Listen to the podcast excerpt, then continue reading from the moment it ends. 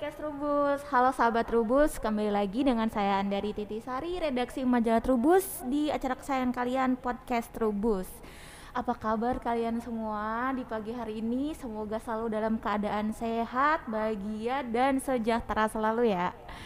Nah, aku hari ini senang banget karena kedatangan tamu istimewa. Tapi sebelumnya aku mau spoiler dulu ke kalian ya minggu lalu bukan minggu lalu salah. Bulan lalu kita kan membahas uh, ubi jalar ya. Peluang ekspor ubi jalar bersama dengan pemimpin redaksi majalah Trubus Bapak Sardi Duryatmo. Tapi itu kan kurang greget ya buat kalian karena itu uh, dari kacamata redaksi hasil liputannya redaksi ya biasalah nama juga editorial kita mengupas hasil liputan dari redaksi. Tapi sekarang uh, biar kalian enggak istilahnya nggak bertanya-tanya emang bener ubi jalar bisa diekspor? Emang bener ada yang nampung? Jawabannya ada di podcast ini.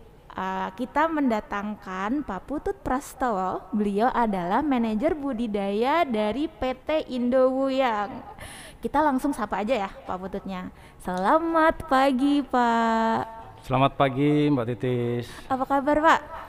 Selalu semangat sehat, mudah-mudahan kita semua dalam kesehatan. Iya Pak Putut ini jauh-jauh dari Cirebon loh biar ya. ketemu dengan sahabat Rubus. Capek nggak Pak? Ah selalu fresh karena selalu makan ubi. Selalu makan ubi jadinya fresh serius. Iya harus harus selalu fresh. Pak sebelum kita ke materinya nih Pak, hmm. aku pengen nanya juga Pak Putut suka makan ubi nggak sih?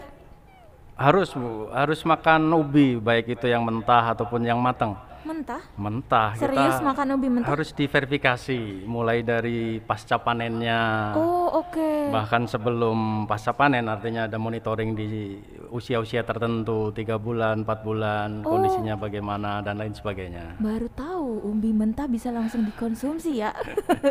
Karena biasanya sudah berbumbu dengan rujak ya yang tahu ya. Oh iya, itu biasanya di ini nih di uh, Jawa Barat. Jawa Barat. Saya tuh orang Jawa Tengah, Pak. Oh, Jadi kalau makan ubi mentah itu masih uh, jarang banget biasanya yeah. kan di sayur yeah. atau dikukus yeah. gitu nah itu saya suka yeah. nah pak kita ngobrolnya tentang uh, olah dan ekspor ubi jalar. Yeah. Kenapa nih PT. Indowuyang hmm. mau maunya hmm, hmm. Uh, membidik pasar ubi jalar? Oke, jadi secara pribadi kalau saya sendiri bergerak di bidang ubi jalar mungkin sudah 23 tahun ya. Berapa? 23 tahun saya sendiri untuk di bidang ubi jalar. Oke. Okay. Ya, memang Berarti udah ini udah ini Pak, apa namanya? Uh, master ya? oh, enggak. Masih harus terus belajar, masih harus okay. terus belajar. Jadi karena uh, ubi jalar ini makanan sehat hmm. yang memang sangat dibutuhkan ol oleh masyarakat Jepang terutama. Hmm. Kalau Jepang kan sampai saat ini dalam hal apa pun selalu melakukan analisa ya, hmm. termasuk untuk makanan mungkin bisa kita dari awal memang untuk uh, tadi makanan sehat ya. Mm. Jadi Jepang sudah mungkin turun temurun juga mereka selalu mengkonsumsi ubi jalar mm. dan terbukti tadi dengan usia yang semakin tua di sana ya semakin uh, semakin sehat. Jadi kebutuhan akan pasar ubi jalar memang mm. awalnya di Jepang, cuman karena kebetulan Jepang dan Korea Selatan adalah bertetangga. Mm uh, mungkin mengikuti pola pola pola sama, ya gitu. pola bu, oh. makan pola budaya dan lain sebagainya mengikuti okay. negara tetangganya okay. seperti itu. Kalau di sana itu uh, boleh diceritain ya pak ya mungkin mm -hmm. uh, bapak juga lebih tahu. Kalau di Jepang dan Korea budaya makan ubi itu apakah sama seperti kita? Kalau di kita itu kan uh, makanannya orang desa mm-hmm. gitu kan ya. Mm-hmm. Terus kayaknya paling juga ah dimakannya itu bukan sebagai pangan utama mm-hmm. gitu. Nah, apakah di dua negara itu uh, konsumsinya beda dengan kita? Misalnya kalau di sana tuh mm-hmm. orang lebih sering konsumsi ubi jalar bahkan orang di kotanya pun juga seneng gitu. Mm-hmm. Kalau di kita kan paling orang-orang di desa aja gitu yang suka atau di kampung gitu. Nah, gimana kalau di sana? Setahu saya kalau pola makan udah pasti sangat berbeda sepertinya. Hmm. Karena di Jepang ataupun Korea Selatan ini ubi jalar ini sebagai makanan orang kaya. Okay. tapi Kok kebalik ya? tapi di kita justru terbalik ya. Oh, iya, Jadi justru banyak yang ekonomi rendah -hmm. untuk memakan atau mengkonsumsi ubi jalar. Oh. Dan di Jepang sendiri mereka selalu makan ubi jalar adalah dengan kulitnya. Makanya ini produk-produknya bisa dilihat ini adalah dengan kulitnya. Benar. Oh, Kulit merah. Ini adalah identik dengan Beni Azuma. Kalau kita kulitnya dibuang. Kulitnya dibuang, justru dimakan dagingnya. Nah, Oh, Jus- Justru kalau di kulit ini adalah yang paling banyak mengandung beta karoten, Oke. gizi, nutrisi dan lain sebagainya. Justru di kulit. Oke. Berarti ini harus diedukasi dong sahabat Trubus. Ya, mudah-mudahan nanti bisa menginspirasi untuk masyarakat. Sama masyarakat Indonesia harus dikasih tahu nih kalau orang Jepang aja makan ubi jalar Makan itu ubi bareng jalar. sama kulitnya, sedangkan Iya. kita dibuang. Dibuang. Padahal di situ banyak nilai gizinya. Nilai gizinya, beta karoten dan lain sebagainya. Wah, dan di sana ini masuk makanannya orang kaya. Makanan orang kaya, VIP. Jadi kayak kebalik-balik nih. ya, Oh, Oke Pak. Nah Pak, eh, itu kan diekspornya ke Hmm. Jepang. Boleh tahu nggak sih Pak kapasitas produksi Indowoyang tuh berapa? Biar sahabat Terbus tuh ngerti, Hmm, tahu. Oh ternyata ubi jalar di sana itu gede Hmm, loh peluang pasarnya gitu. Ya saat ini kami di Cirebon dengan 6.000 meter persegi luas tanah, kami mampu memproduksi 50 ton per hari bahan baku ubi jalar. Wah. Dari 50 ton itu ya bisa di- dibuat, dibuat ringkas ya, bahwa mungkin hasil finish produknya kira-kira 50% lah, Oke. atau sekitar 25 ton per hari untuk uh, finish produk. Finish produknya seperti ini, yang sudah Nanti- diolah. Nanti kita tampilkan. Oke, baik. Oke. 25 ton itu finish produknya. Finish product. Oke. 25 ton itu berarti yang diekspor ya, yang dijual. Ya, yang Nah, diekspor. itu apakah sudah memenuhi permintaan pasarnya atau masih kurang gitu, Pak? Eh, itu dia. Ya, alhamdulillah di masa pandemi ini justru makin banyak nih permintaan-permintaan dari para buyer baik itu di Jepang dan Korea Selatan sendiri. Mm. Bahkan kita masih tiga kali lipat. Makanya kita untuk saat ini ya kita harus fokus bagaimana processingnya kita bisa lebih lebih banyak lagi. Ntar Pak, tiga kali lipat tuh maksudnya gimana? Jadi kan kita jualnya 25 ton keluar. Iya. Berarti mereka itu minta malah 75 ton gitu maksudnya? Ya, itu yang sudah terdaftar, yang belum mungkin masih banyak lagi. Oh, Karena musim pandemi, jadi kita untuk strategi marketing kita kan hanya online ya, tidak bisa on spot datang. Biasanya berkunjung ke pabrik kita. oke berarti peluang pasarnya masih lebar banget. Sebenarnya seperti itu. Berarti ini Indowoyang masih mau menggarap eh, Terus selama Indo yang ada, mudah-mudahan kita terus memperluas tanaman kita di Pulau Jawa dan saat ini sampai Sumatera. Oh oke, Pak balik lagi ke ubi. Tadi kan Bapak bilang kalau ubi itu banyak eh, apa namanya banyak manfaatnya, makanan sehat dan segala macam. Nah ubi di kita itu beda nggak sih Pak dengan ubi dari negara lain, misal tetangga sebelah gitu, misal dari Malaysia gitu, sampai-sampai Indowoyang eh, apa namanya sebegitu gencarnya untuk em, apa mengekspor ubi dari dari kita gitu. Nah dari segi rasa mungkin beda gitu. Menurut Mr. Lee ini ya, eh, selaku owner di kita yang kebetulan juga warga negara Korea Selatan, beliau sangat apresiasi terhadap ubi jalar dari Indonesia. Enak Pak. Ubi jalar Indonesia ini sangat istimewa, nomor satu dari sisi rasa, kualitas yang lain-lain, eksklusif raw material. Uh, dari segi rasa mungkin bisa dijelasin Pak dibanding ubi dari negara lain misal. Kalau di kita mungkin lebih manis, kemudian seratnya sedikit gitu mungkin. Ya, untuk beberapa varietas di Indonesia memang itu bisa dibilang terlezat di seluruh dunia yang dari Indonesia. Salah satunya adalah Beni Azuma yang ditanam di Indonesia, kemudian yang asli dari Indonesia adalah ubi jenis Aceh putih. Oke, seperti Ini itu. asli dari Kabupaten Kuningan yang sudah menyebar di seluruh kabupaten di Pulau Jawa. Kemudian ada ubi madu Cilembu yang Oh, kita tahu Cilembu, itu dari suka banget. ya kita tahu itu dari Sumedang ya. Dan saat ini memang sudah mulai dilirik oleh eh, apa Pak Bayar Jepang. Kalau selama saya 23 tahun di bidang ubi jalar, kita juga gencar sudah beberapa puluh tahun yang lalu bagaimana memperkenalkan ubi cilembu.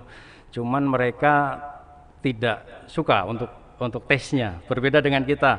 Kita mah suka banget Pak. Ya, kita suka banget, tapi untuk oh, orang Jepang agak sulit. Kenapa Pak? Baru dua tahunan inilah orang Jepang mulai tertarik dengan ubi cilembu dengan berbagai inovasi-inovasi yang kita lakukan dengan bentuknya. Kemudian mungkin ada beberapa tambahan yang lain. Oh oke. Baru tahu orang Jepang nggak suka ubi cilembu. Kita mah kalau ke puncak ya kan? Ya, ke puncak semuanya ada puluhan mungkin ya jongko-jongko. Mm-mm, kita pasti bawa pulang ubi cilembu. Sahabat Trubus juga kan bawa pulangnya ubi cilembu. Ya. Nah Pak, eh, kan ini ada banyak ubi, ada ase putih, ada cilembu, ada beni azuma. Apakah ubi-ubi itu ada spesifikasi wilayah nggak sih Pak? Eh, biasanya seperti itu untuk ubi Beni Azuma dan ubi Cilembu memang secara eh, syarat tumbuhnya itu paling baik adalah di atas 700 meter di atas permukaan laut. Kemudian kalau AC putih lebih rendah di angka 300 sampai 700 karena kalau AC putih di ketinggian lebih dari 700 mdpl nanti berpengaruh terhadap kadar airnya. Jadi makin lembek dan rasanya juga kurang manis.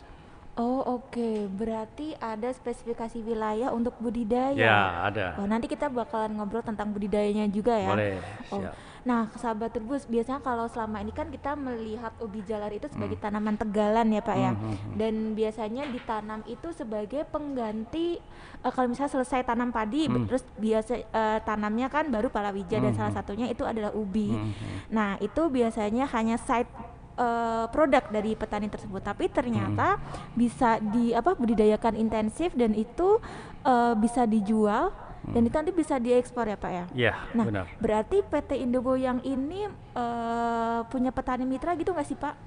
Ya, kita mungkin di Pulau Jawa mulai dari ujung Banyuwangi sampai ke Sukabumi, Cianjur, kita sudah punya banyak mitra. Baik mitra yang terdaftar ataupun mitra secara statusnya market. Bisa dijelasin tuh Pak? Eh, ya, kalau mitra kita memang sudah ada kontrak, artinya ada MOU sebelum mereka tanam, mereka ada kontrak tanda tangan dengan kita persetujuan. Di situ tertulis harga, kemudian berapa luas yang akan ditanam dan kita lakukan juga pendampingan, biasanya pendampingan teknis budidaya.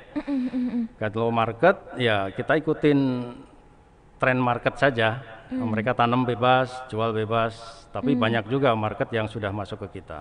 Pendampingan itu tujuannya biar Pendampingan teknis kita lakukan dari staf-staf kita yang saat ini mungkin saya punya empat orang eh, staf eh, untuk pendampingan eh, teknis budidaya. Itu bagaimana untuk menjamin dari eh, hasil yang ditanam oleh petani itu akan diserap oleh pabrik. Kemudian juga hasilnya di- diharapkan lebih lebih maksimal dengan SOP yang harus diterapkan. Oh berarti kalau misalnya misalnya saya nih, amin. Jadi petani eh, mitra dari Indobo yang berarti Iya. harus ada MOU-nya Ya, ada MOU. biar sama-sama menguntungkan gitu ya Pak ya. sama-sama menguntungkan, sama-sama jalan, sama-sama terjamin. Terjamin harganya, harganya dan ya pasarannya dan o- o- o- pastinya adalah eh, kontinuitasnya. Itu yang kita harapkan. Ada ini nggak sih Pak? Bisa bocoran sedikit nggak sih Pak? Nanti kan ke biar sahabat tebus tahu. Misal kalau misalnya saya pengen jadi petani mitranya Indowuyang berarti saya minimal harus punya lahan satu hektar misal. Dengan produksi misal 20 ton misal. Ada seperti itu nggak sih Pak? Ya, kalau untuk persyaratan ada pendampingan teknis pastinya harus ada minimal eh, luasan ya.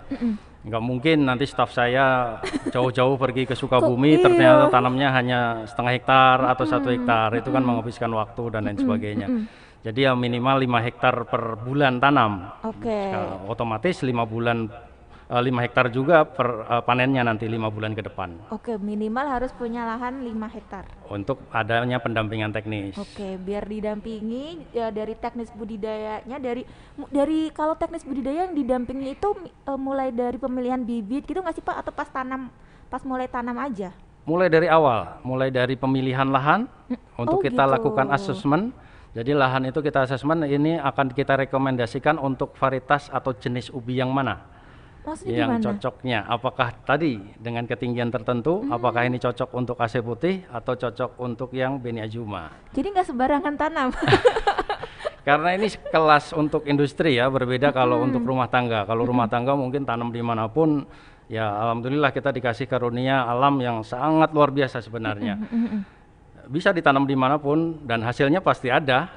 Kalau untuk sekedar makan di rumah. Tapi karena skala industri kan harus ya terencana semuanya, kuantitinya terutama dan lain Yaps. sebagainya. Jadi sahabat terbus harus siap-siap, gak boleh sembarangan tanam. Misal, wah saya pengennya tanam varietas Beniazuma misal, tapi dari rekomendasi eh, tim Indowuyang harusnya nanamnya AC putih ya, berarti Ya. nanamnya AC putih gitu ya Pak Ya, ya. Biar seperti nanti budidayanya enak karena disesuaikan dengan jenis tanah, Jenis tanah, Eh, ketinggian, ketinggian, sumber tempat, air, gitu ya, pH Pak ya? dan lain sebagainya. Mm.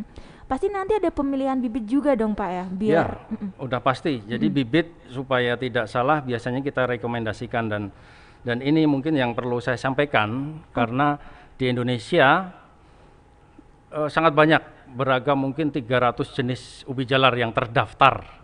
Ya 300 da- varietas ya. varietas. Ya, dari 300 itu tidak semuanya eh, mengikuti spek dari buyer. Hanya ada beberapa spek yang ikut. Nah, bibit ini juga punya masalah yang sangat eh, sangat cukup mengganggu kita saat ini. Karena sampai saat ini kita hanya terpaku dengan tiga jenis tadi. Kalau tiga jenis ini nanti ada masalah karena produktivitas, utamanya produktivitas, hasil panen setiap hektar itu menarik buat petani atau tidak, menguntungkan buat petani atau tidak. Hmm. Kalau tidak menguntungkan, petani pasti tidak akan mau menanam. Iya, Nah, bibit ini ada kelemahannya kalau dia udah bertahun-tahun ditanam di tempat yang sama, mungkin imunnya juga udah mulai berkurang. Karena sampai saat ini mungkin yang belum bisa terpecahkan adalah masalah virus terutama.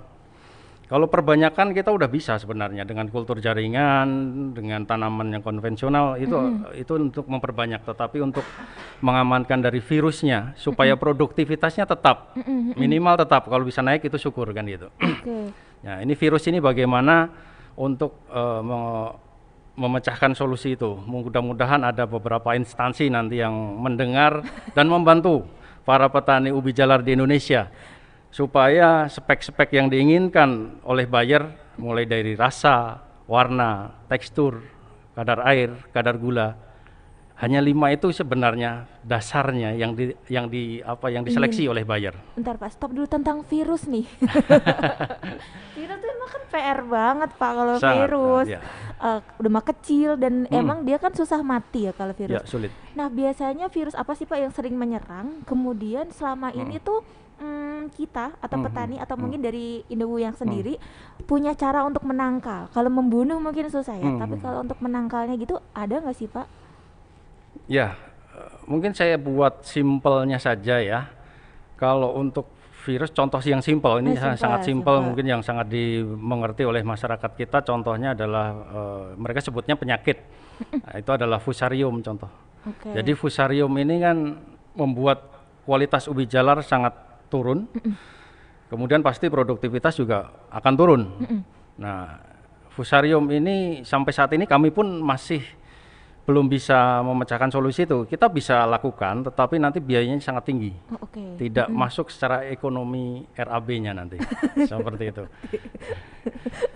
Oke, berarti itu nanti eh pesan dari Hmm. Pak Putut kalau ada instansi yang bisa bantu petani untuk eh, apa namanya menangkal atau Ya. menanggulangi virus yang sering menyerang di pertanaman ubi jalar silahkan aja karena sayang banget ya Pak ya Ya. Sayang, pasarnya udah ada Pasar ada. tapi kita ke- terkendala budidaya itu kan eh, kayak kita kehilangan peluang ya Pak ya Hmm, hmm, untuk hmm. ekspor nah Pak eh kalau petani itu kita ngobrol tentang petani mitra Hmm. petani mitra itu sudah didampingi mulai dari pemilihan bibit Hmm. eh, budidaya sampai pasca Ya. pa- sampai panen dan Hmm, pasca hmm. panen.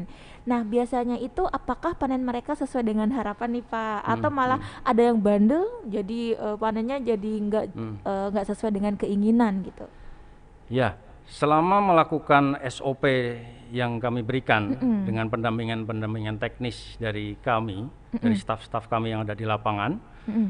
bisa dibilang tahun kemarin saja, tahun kemarin 90% hasilnya memuaskan. Alhamdulillah. 90% hasilnya memuaskan. Hanya kendala di tahun ini tadi yang saya bilang, ada virus, ada penyakit. Mm-mm. Salah satu contoh fusarium. Mm-mm.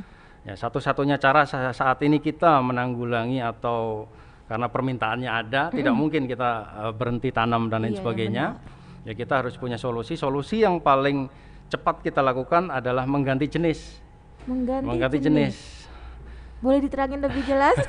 Gimana Ya, mengganti jenis atau varietas yang memang dibutuhkan oleh buyer. Oh, Tadi oke. dari beberapa aspek spesifikasi eh, kualitas, mana sih ubi-ubi yang mirip yang ada di Indonesia yang mirip dari rasa, warna, tekstur dan lain sebagainya, itu yang bisa kita lakukan. Saat ini contoh ubi AC putih Mm-mm.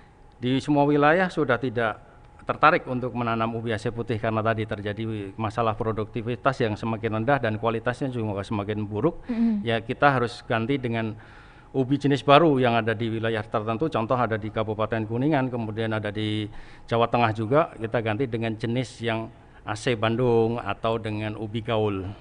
Ubi Ubi gaul. gaul.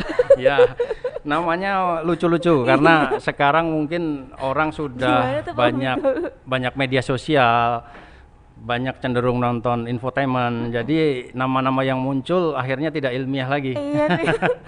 Pak, tadi kan petani mitranya tersebar dari Banyuwangi sampai ke barat ya Pak ya. Hmm. Eh, ada sentranya nggak sih Pak? Maksudnya yang paling banyak tuh berkumpul di mana gitu? Hmm. Kalau kemarin kan hasil liputan redaksi itu kalau nggak salah di Malang ya Pak ya. Ya, di Malang Nah. ada, di Malang itu di Kecamatan Jabung, kemudian Pakis, itu ada di Malang, kebetulan dengan Pak Jazid ya.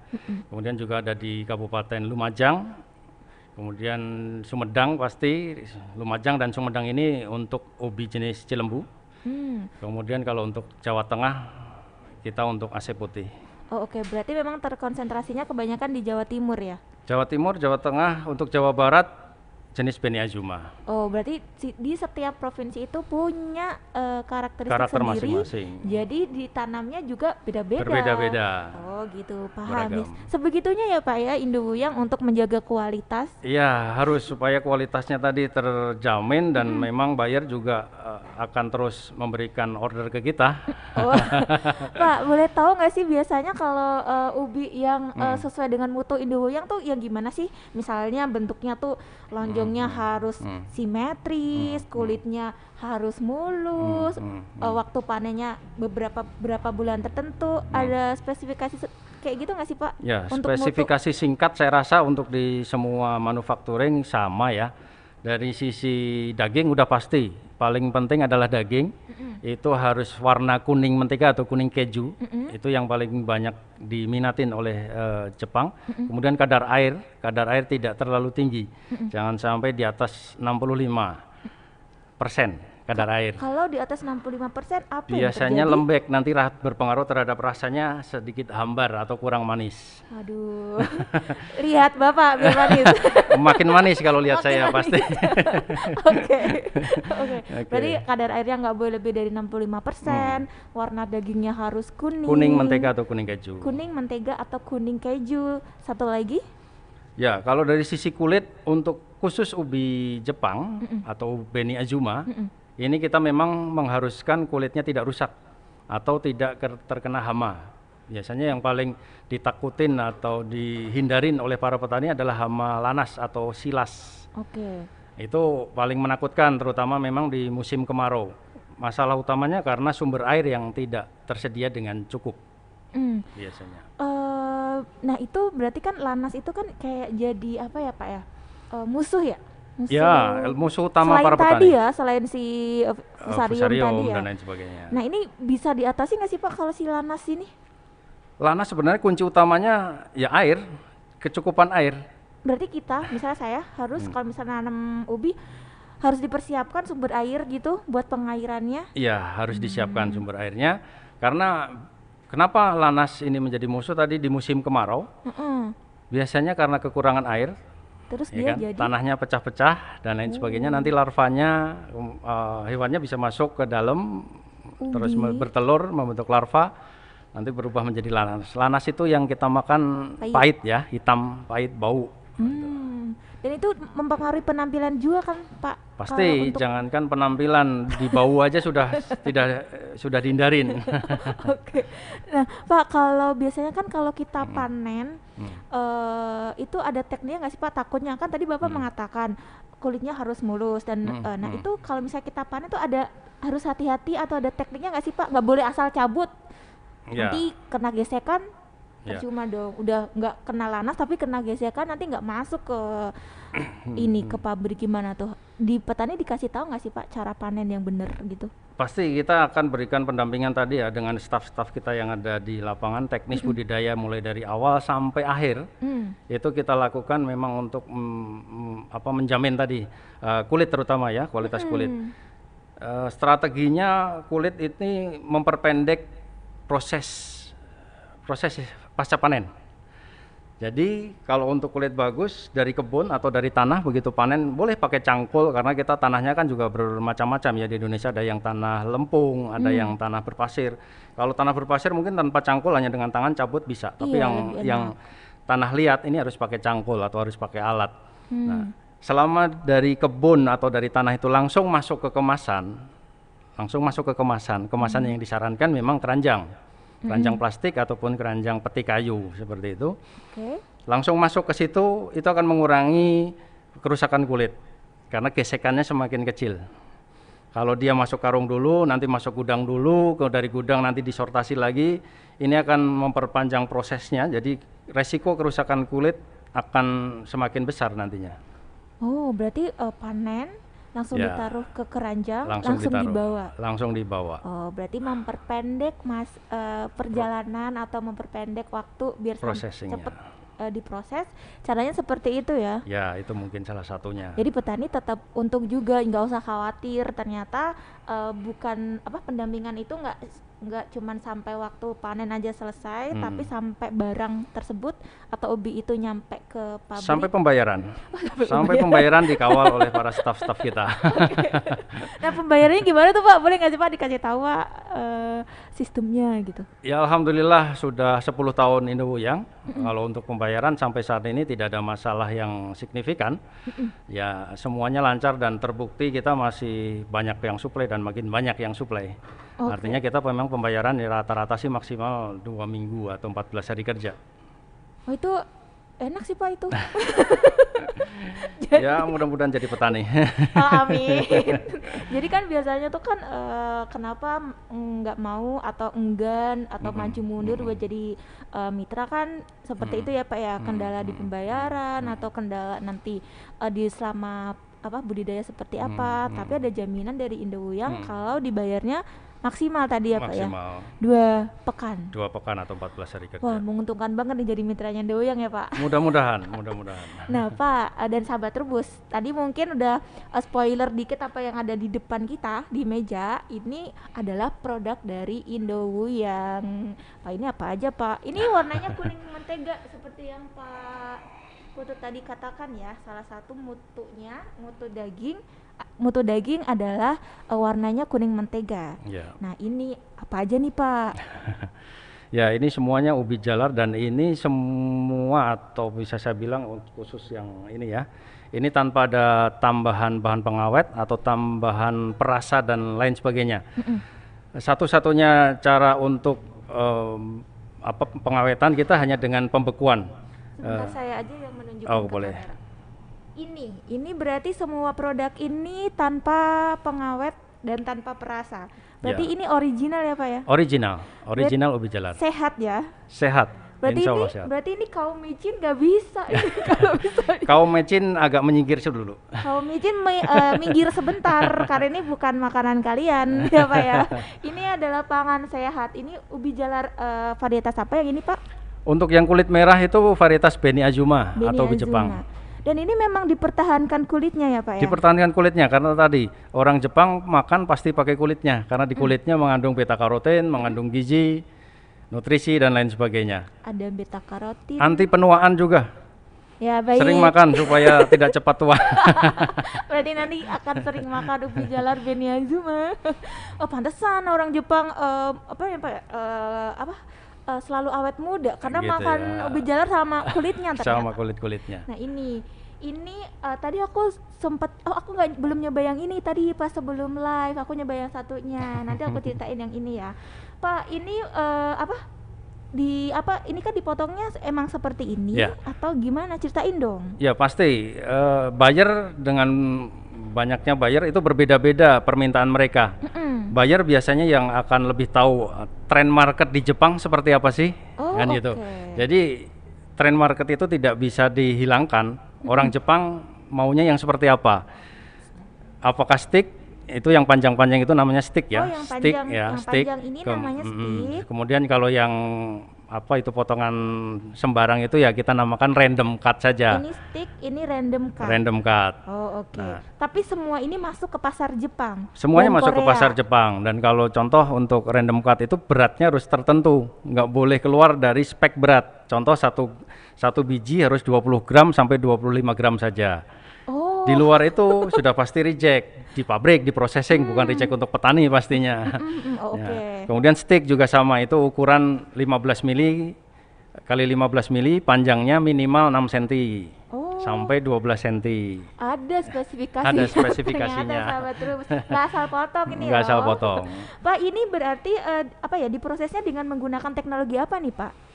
Kalau di processingnya kita hanya ada tiga yang utama. Mm-mm. Biasanya apakah dia di baking atau dibakar, kemudian di steam atau dikukus, kemudian yang terakhir biasanya minta ada yang digoreng atau frying. Oke kalau yang ini saya pegang ini si Beni Azuma berkulit ungu ini Mm-mm. di, diolahnya dengan menggunakan teknik apa?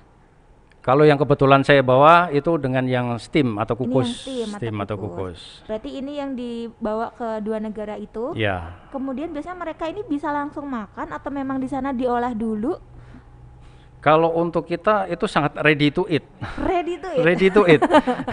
Tapi kalau di Jepang tadi it- ini adalah produk-produk intermediate produk. Jadi di Jepang itu biasanya diolah kembali. Oke. Biasanya apakah ditambahin madu Hmm. atau nanti digoreng sebentar, tambahin goreng dua menit atau tiga menit Oh. dengan suhu tertentu dan lain sebagainya. Oh oke, berarti mereka masih diolah sedikit ya, Ya, ada yang diolah. digoreng, ta- tambah madu, Ya. sesuai dengan kebiasaan mereka Ya. di sana. Iya, Oh, oke, ini adalah Beni Azuma. Aku punya Hmm. satu lagi nih. Ada banyak piring di sini. Tenang. Yang ini adalah ini semacam mirip eh, warnanya cantik banget sih Pak. Ya. Warnanya kuning mentega banget. Ini jangan sampai ketipu nih, kayak kentang malah nih Pak. Kayak kentang ya. Iya. Ah, Oke. Ini mulus banget. Ini apa Pak? Yang ini? Ya itu biasanya dari varietas eh, AC putih. AC putih. Dua-duanya ini. Dua-duanya AC putih. Oke. AC putih kenapa diterima oleh Jepang? Karena saat itu di tahun 2000-an mungkin sejarahnya seperti ini. Ubi Jepang itu sangat ingin menginginkan ubi Beniazuma dengan ciri kulitnya. Hmm. Tetapi karena kesulitan penanaman di Pulau Jawa saat itu, mau tidak mau buyer dan produsen eh, harus mencari cara bagaimana nih ad- supaya terus ada suplai ubi dari Indonesia. Mm-mm. Salah satunya dengan AC putih. Cuman sayangnya AC putih ini kulitnya putih, tidak Iya. merah. Nggak Kita- suka mereka. Ya, tidak suka kalau untuk yang kulit putih karena tadi di kulit kan ada beta karoten Oh, dan lain iya, sebagainya. Dan ubi Jepang identik dengan ubi merah. Hmm. Kita tidak mungkin ngecat atau kasih spidol kulitnya kan gitu. Warna. Jadi mau tidak mau AC putih ini adalah karena semuanya mirip, rasa, tekstur dan lain sebagainya mirip dengan ubi Jepang. Akhirnya diterima oleh buyer tapi dengan catatan untuk produk-produk tanpa kulit. Oh, oke. Nah, ini meskipun eh, dari teksturnya eh, permukaannya nih beda tapi keduanya AC putih ya, Pak ya. AC putih. Nah, aku ceritain sedikit ya sahabat Rubus ini dua-duanya adalah AC putih. Tapi yang sisi kiri ini Hmm. dia lebih mulus ya, Pak ya. Hmm, hmm. Yang sebelah kanan ini seperti ada uratnya gitu. Ya.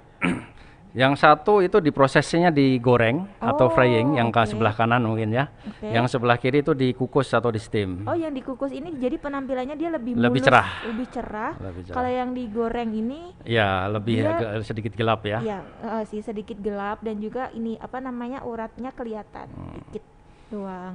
Ini AC putih. Aku masih punya lagi.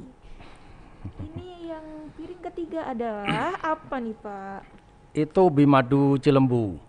Dua-duanya? Satu yang Satu. itu bentuk eh, slice atau orang nyebut tempura ya. Oke. Jadi itu ubi cilembu yang kanan memang tanpa kulit karena kulitnya tidak warna merah yang mungkin orang Jepang cari kan kulitnya Iya, merah. benar. Nah, kalau yang sebelah kiri itu memang Beniazuma sama dengan tadi eh, jenis bahan bakunya Beniazuma. Tapi ini beda proses. Atau gimana? Prosesnya sama, itu sama-sama di steam atau dikukus saja. Oh, tapi beda irisan ya. Kalau Beda irisan ini mungkin, ya. penampang. Iya. Kalau ini juga ini ini si ubi cilembu ya pak ya. Ubi Cilembu. Ini Sudah dari- tergiur kayaknya ya. Iya. ini yang dari mana pak? Yang dari Sumedang. Dari Sumedang Sama dan Lumajang. Lumajang juga Malang juga ada. Oh oke. Ini ubi yang sering kalian beli di puncak nih sahabat terus. Kemudian piring keempat. Aku boleh minta boleh. tolong? Silahkan. Nah ini bentuknya beda dengan yang ketig- eh, sebelumnya. Hmm. Ini dia kalau boleh dikatakan keripiknya atau ada kata lain pak sebutan lain?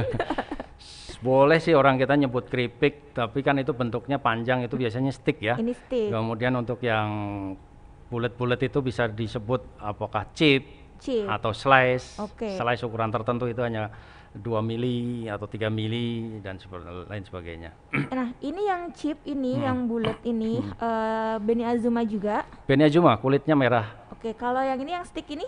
Beni Azuma saja, Oh. cuman itu tidak pakai kulit saja. Nah ini tadi yang Hmm. kita cobain waktu sebelum live sahabat Rubus. Rasanya enak jadi kayak kayak nggak makan ubi. Manisnya dapet eh, manisnya itu alami jadi kayak kita makan ubi aja tapi eh, dalam bentuk digoreng ya pak ya? Iya, ini. digoreng. Ini alami jadi kayak kita makan ubi aja. Goreng pakai pasir ya kali ya. Oke berarti ini digoreng ya tapi Digoreng. tetap sehat kan pak? sehat, sehat. Oke. Jadi se- seperti contoh pemakaian minyak, walaupun kita goreng pakai minyak, kita juga harus selektif. Hmm. Minyaknya juga ditentukan oleh buyer oh dengan dengan kandungan tertentu yang diizinkan oleh Jepang. Hmm, Jadi tidak semua minyak yang bisa yang ada di Indonesia bisa kita pakai. hmm. Terus kemudian juga biasanya kita batasin pemakaian minyak apakah hanya 10 kali goreng atau sampai 15 kali goreng. Itu nanti kalau sudah melewati batas 10 kali goreng misalnya ya harus kita buang, Oh oke. nggak bisa Berarti- dipakai lagi. Oh berarti nggak perlu khawatir meskipun ini digoreng tapi eh, apa pengawasannya ketat banget ya pak? Masih ya? sangat ketat. Dari Kita mul- sudah ISO 22000. Hmm. Dari mulai eh, pemilihan minyak gorengnya, Iya. cara menggorengnya, waktu gorengnya, sama pemakaian minyak gorengnya sampai berapa kali pun itu Terpantau. terpantau. Jadi terkontrol. Jadi aman buat kalian yang eh, menerapkan pola hidup sehat ya pak ya. Iya, mudah-mudahan semuanya. Nah satu lagi ini ada pasta. Kita atau orang Jawa nyebutnya getuk ya. Karena memang sebenarnya getuk saja itu ubi jalar murni yang digiling. Nah ini prosesnya ada dua, ini nggak mungkin yang digoreng menjadi pasta itu belum ada sampai sekarang. Jadi hanya di baking atau di steam, itu yang paling utama. Ini murni ubi jalar tanpa kulit karena kalau pakai kulit kelihatan kotor nanti. Oh. Dan kegunaannya kalau di Jepang mungkin akan lebih luas. Kita bisa bayangkanlah di Indonesia mau bikin candil pakai ini kan nggak mungkin. Candil ya harus pakai yang itu. Kemudian untuk campuran kue, yang itu juga nggak mungkin pakai yang ini. Ya, oke. Tapi ini juga sama, diekspor juga atau? Semuanya kita ekspor. Oke, siap. Ini ada bentuk pastanya. Pasta ini dibikin tanpa kulit karena nanti kalau misalnya dengan kulitnya warnanya jadi nggak cantik. Nggak cantik. Nah, itu kan diperhatikan banget dari pena- mulai dari penampilan. Pak ini apa nih? Maaf Pak. Ini jauh. kebetulan Jauh-jauh. hanya produk-produk yang di yang apa yang finish yang ready to eat yang di Jepang eh, yang di Jepang dan Korea. Jadi ini yang dijual di toko-toko di Korea Selatan atau di Jepang kemasannya seperti ini. Ini ubi dari Indowuyang. Ini ubi dari Indowuyang. Jadi kalau kalian ke Jepang atau ke Korea, oleh-olehnya ini ini ubi kita. ya. Ini kebetulan kita pionir dulu untuk processing ubi cilembu. Ubi, Ubi madu cilembu biasanya pelaku-pelaku bisnis di Indonesia. Hanya contoh kemasan itu sudah expired itu. Oh ini expired ya Bapak. oh berarti nanti Indo yang harus Oke, kirim yang ini. siap. yang ini. Wah. Ini berarti udah nyampe udah nyampe Korea. ya, udah sudah nyampe- dikemas di sana lebih menarik ya. Iya, menarik. Pak, ini eh, apa ya? Pengen nanya juga kalau untuk produk-produk ini Mm. berarti nggak bisa kita dapetin di sini dong, Pak. Mungkin di sini ada, saya rasa banyak sekarang sudah bertebaran supermarket-supermarket Korea terutama. Mm, Saya rasa ada satu dua pak mungkin yang beberapa jenis ada. mm, mm, mm. Ya pasti kalau banyak ya di negara mereka ya. Ya, kita pengen beli apa namanya? Produk Harus jadinya ya. Dulu. Produk jadinya kita beli di sana dulu. Padahal eh, apa namanya bahan bakunya ada di kita. Iya. Nah ini ada juga nih bentuk ubinya yang penasaran. Ini ubi apa nih Pak? Ini kebetulan ubi Beni Azuma juga. Tadi yang saya sampaikan karena kita punya kendala di produktivitas uh, tanam di petani. Satu-satunya cara cepat yang kita lakukan saat ini adalah dengan penemuan uh, jenis baru atau varietas baru. Varietas baru ini dengan cara se seperti uh, menemukan bijinya dulu, biji ubi jalar, biji ubi jalar yang ada di bunga. Oh, nah, biji okay. ubi jalar itu jika kita tanam pasti akan memunculkan varietas baru karena biji ubi jalar itu adalah hasil dari perkawinan silang yang tidak disengaja oleh serangga ataupun oleh angin. Jadi begitu jatuh ke tanah muncul varietas baru. Makanya mungkin di beberapa tempat petani secara tidak sadar, loh ini ubi apa kok baru muncul, baru tumbuh dan ternyata produktivitasnya lebih tinggi. Karena tadi imun dia lebih kuat jenis baru imunnya hmm. lebih kuat hmm. untuk dari uh, virus dan penyakit lainnya. Okay. Tapi belum tentu bisa diterima oleh industri. Benar. Jadi ya. spek-spek itu banyak yang tumbuh baru tetapi belum bisa diterima industri nanti disaring lagi, difilter hmm. lagi. Dari misalnya 40 jenis nanti hanya satu yang bisa masuk dari sisi kulit, daging, rasa, warna dan lain sebagainya. Oh, Oke. Okay. Nah, Pak ini bobotnya berapa Pak? Gede banget Pak. ini mungkin satu kilo ya, satu kilo. Ini kebetulan patah. Jadi dari biji tadi, uh -uh. kemudian kita tanam, muncul varietas baru. Varietas baru untuk membuat biji uh, bibit yang unggul, bibit yang unggul kita kita buat seperti ini. Jadi di apa namanya ditunaskan. Oh, okay. Ditunaskan muncul tunas baru ini disebut F0 atau filial oh, ya. Oke. Okay. Nah, ini keturunan keturunan dari ubi ini masih F0. Oke. Okay. Nah, di F0 ini kita potong kira-kira panjangnya 7 atau 8 ruas. Mm. Kita potong ke, kemudian ditanam di tanah sedalam dua atau tiga ruas seperti itu. Oke. Okay. Nah, kalau mau lihat Pak, oh, eh, mau megang juga. Oh, udah agak patah. Em off tangan kiri, iya. susah Pak tangan kanan. Nah ini contoh dari ubinya ya Pak ya. ya. Cuman bawa satu aja karena berat. Bawanya produk aja. Oke. Pak Putut ini sudah di penghujung waktu. Boleh oh. dong Pak ngasih tahu uh, apa namanya kayak hmm. ngasih semacam suntikan kepada uh, sahabat Trubus hmm. atau petani-petani yang lain. Kalau hmm. sebenarnya ubi jalar itu prospeknya besar banget dan hmm. juga jangan uh, kalau misalnya pengen jadi petani mitra hmm. silahkan aja ayo pak di ya kebetulan di Indonesia sudah dikasih uh, tadi kesuburan tanah yang sangat luar biasa oleh yang maha kuasa kemudian tanaman ubi jalar ini bisa dibilang adalah tanaman nenek moyang ya mm. De, semua kakek nenek kita pernah menanam dan bisa dibilang mungkin lebih mudah menanamnya dibanding mungkin yang lainnya karena hmm. pengaturan air juga bisa diatur, hmm. kemudian tidak seperti padi yang harus terus-menerus misalnya. Hmm. Hmm.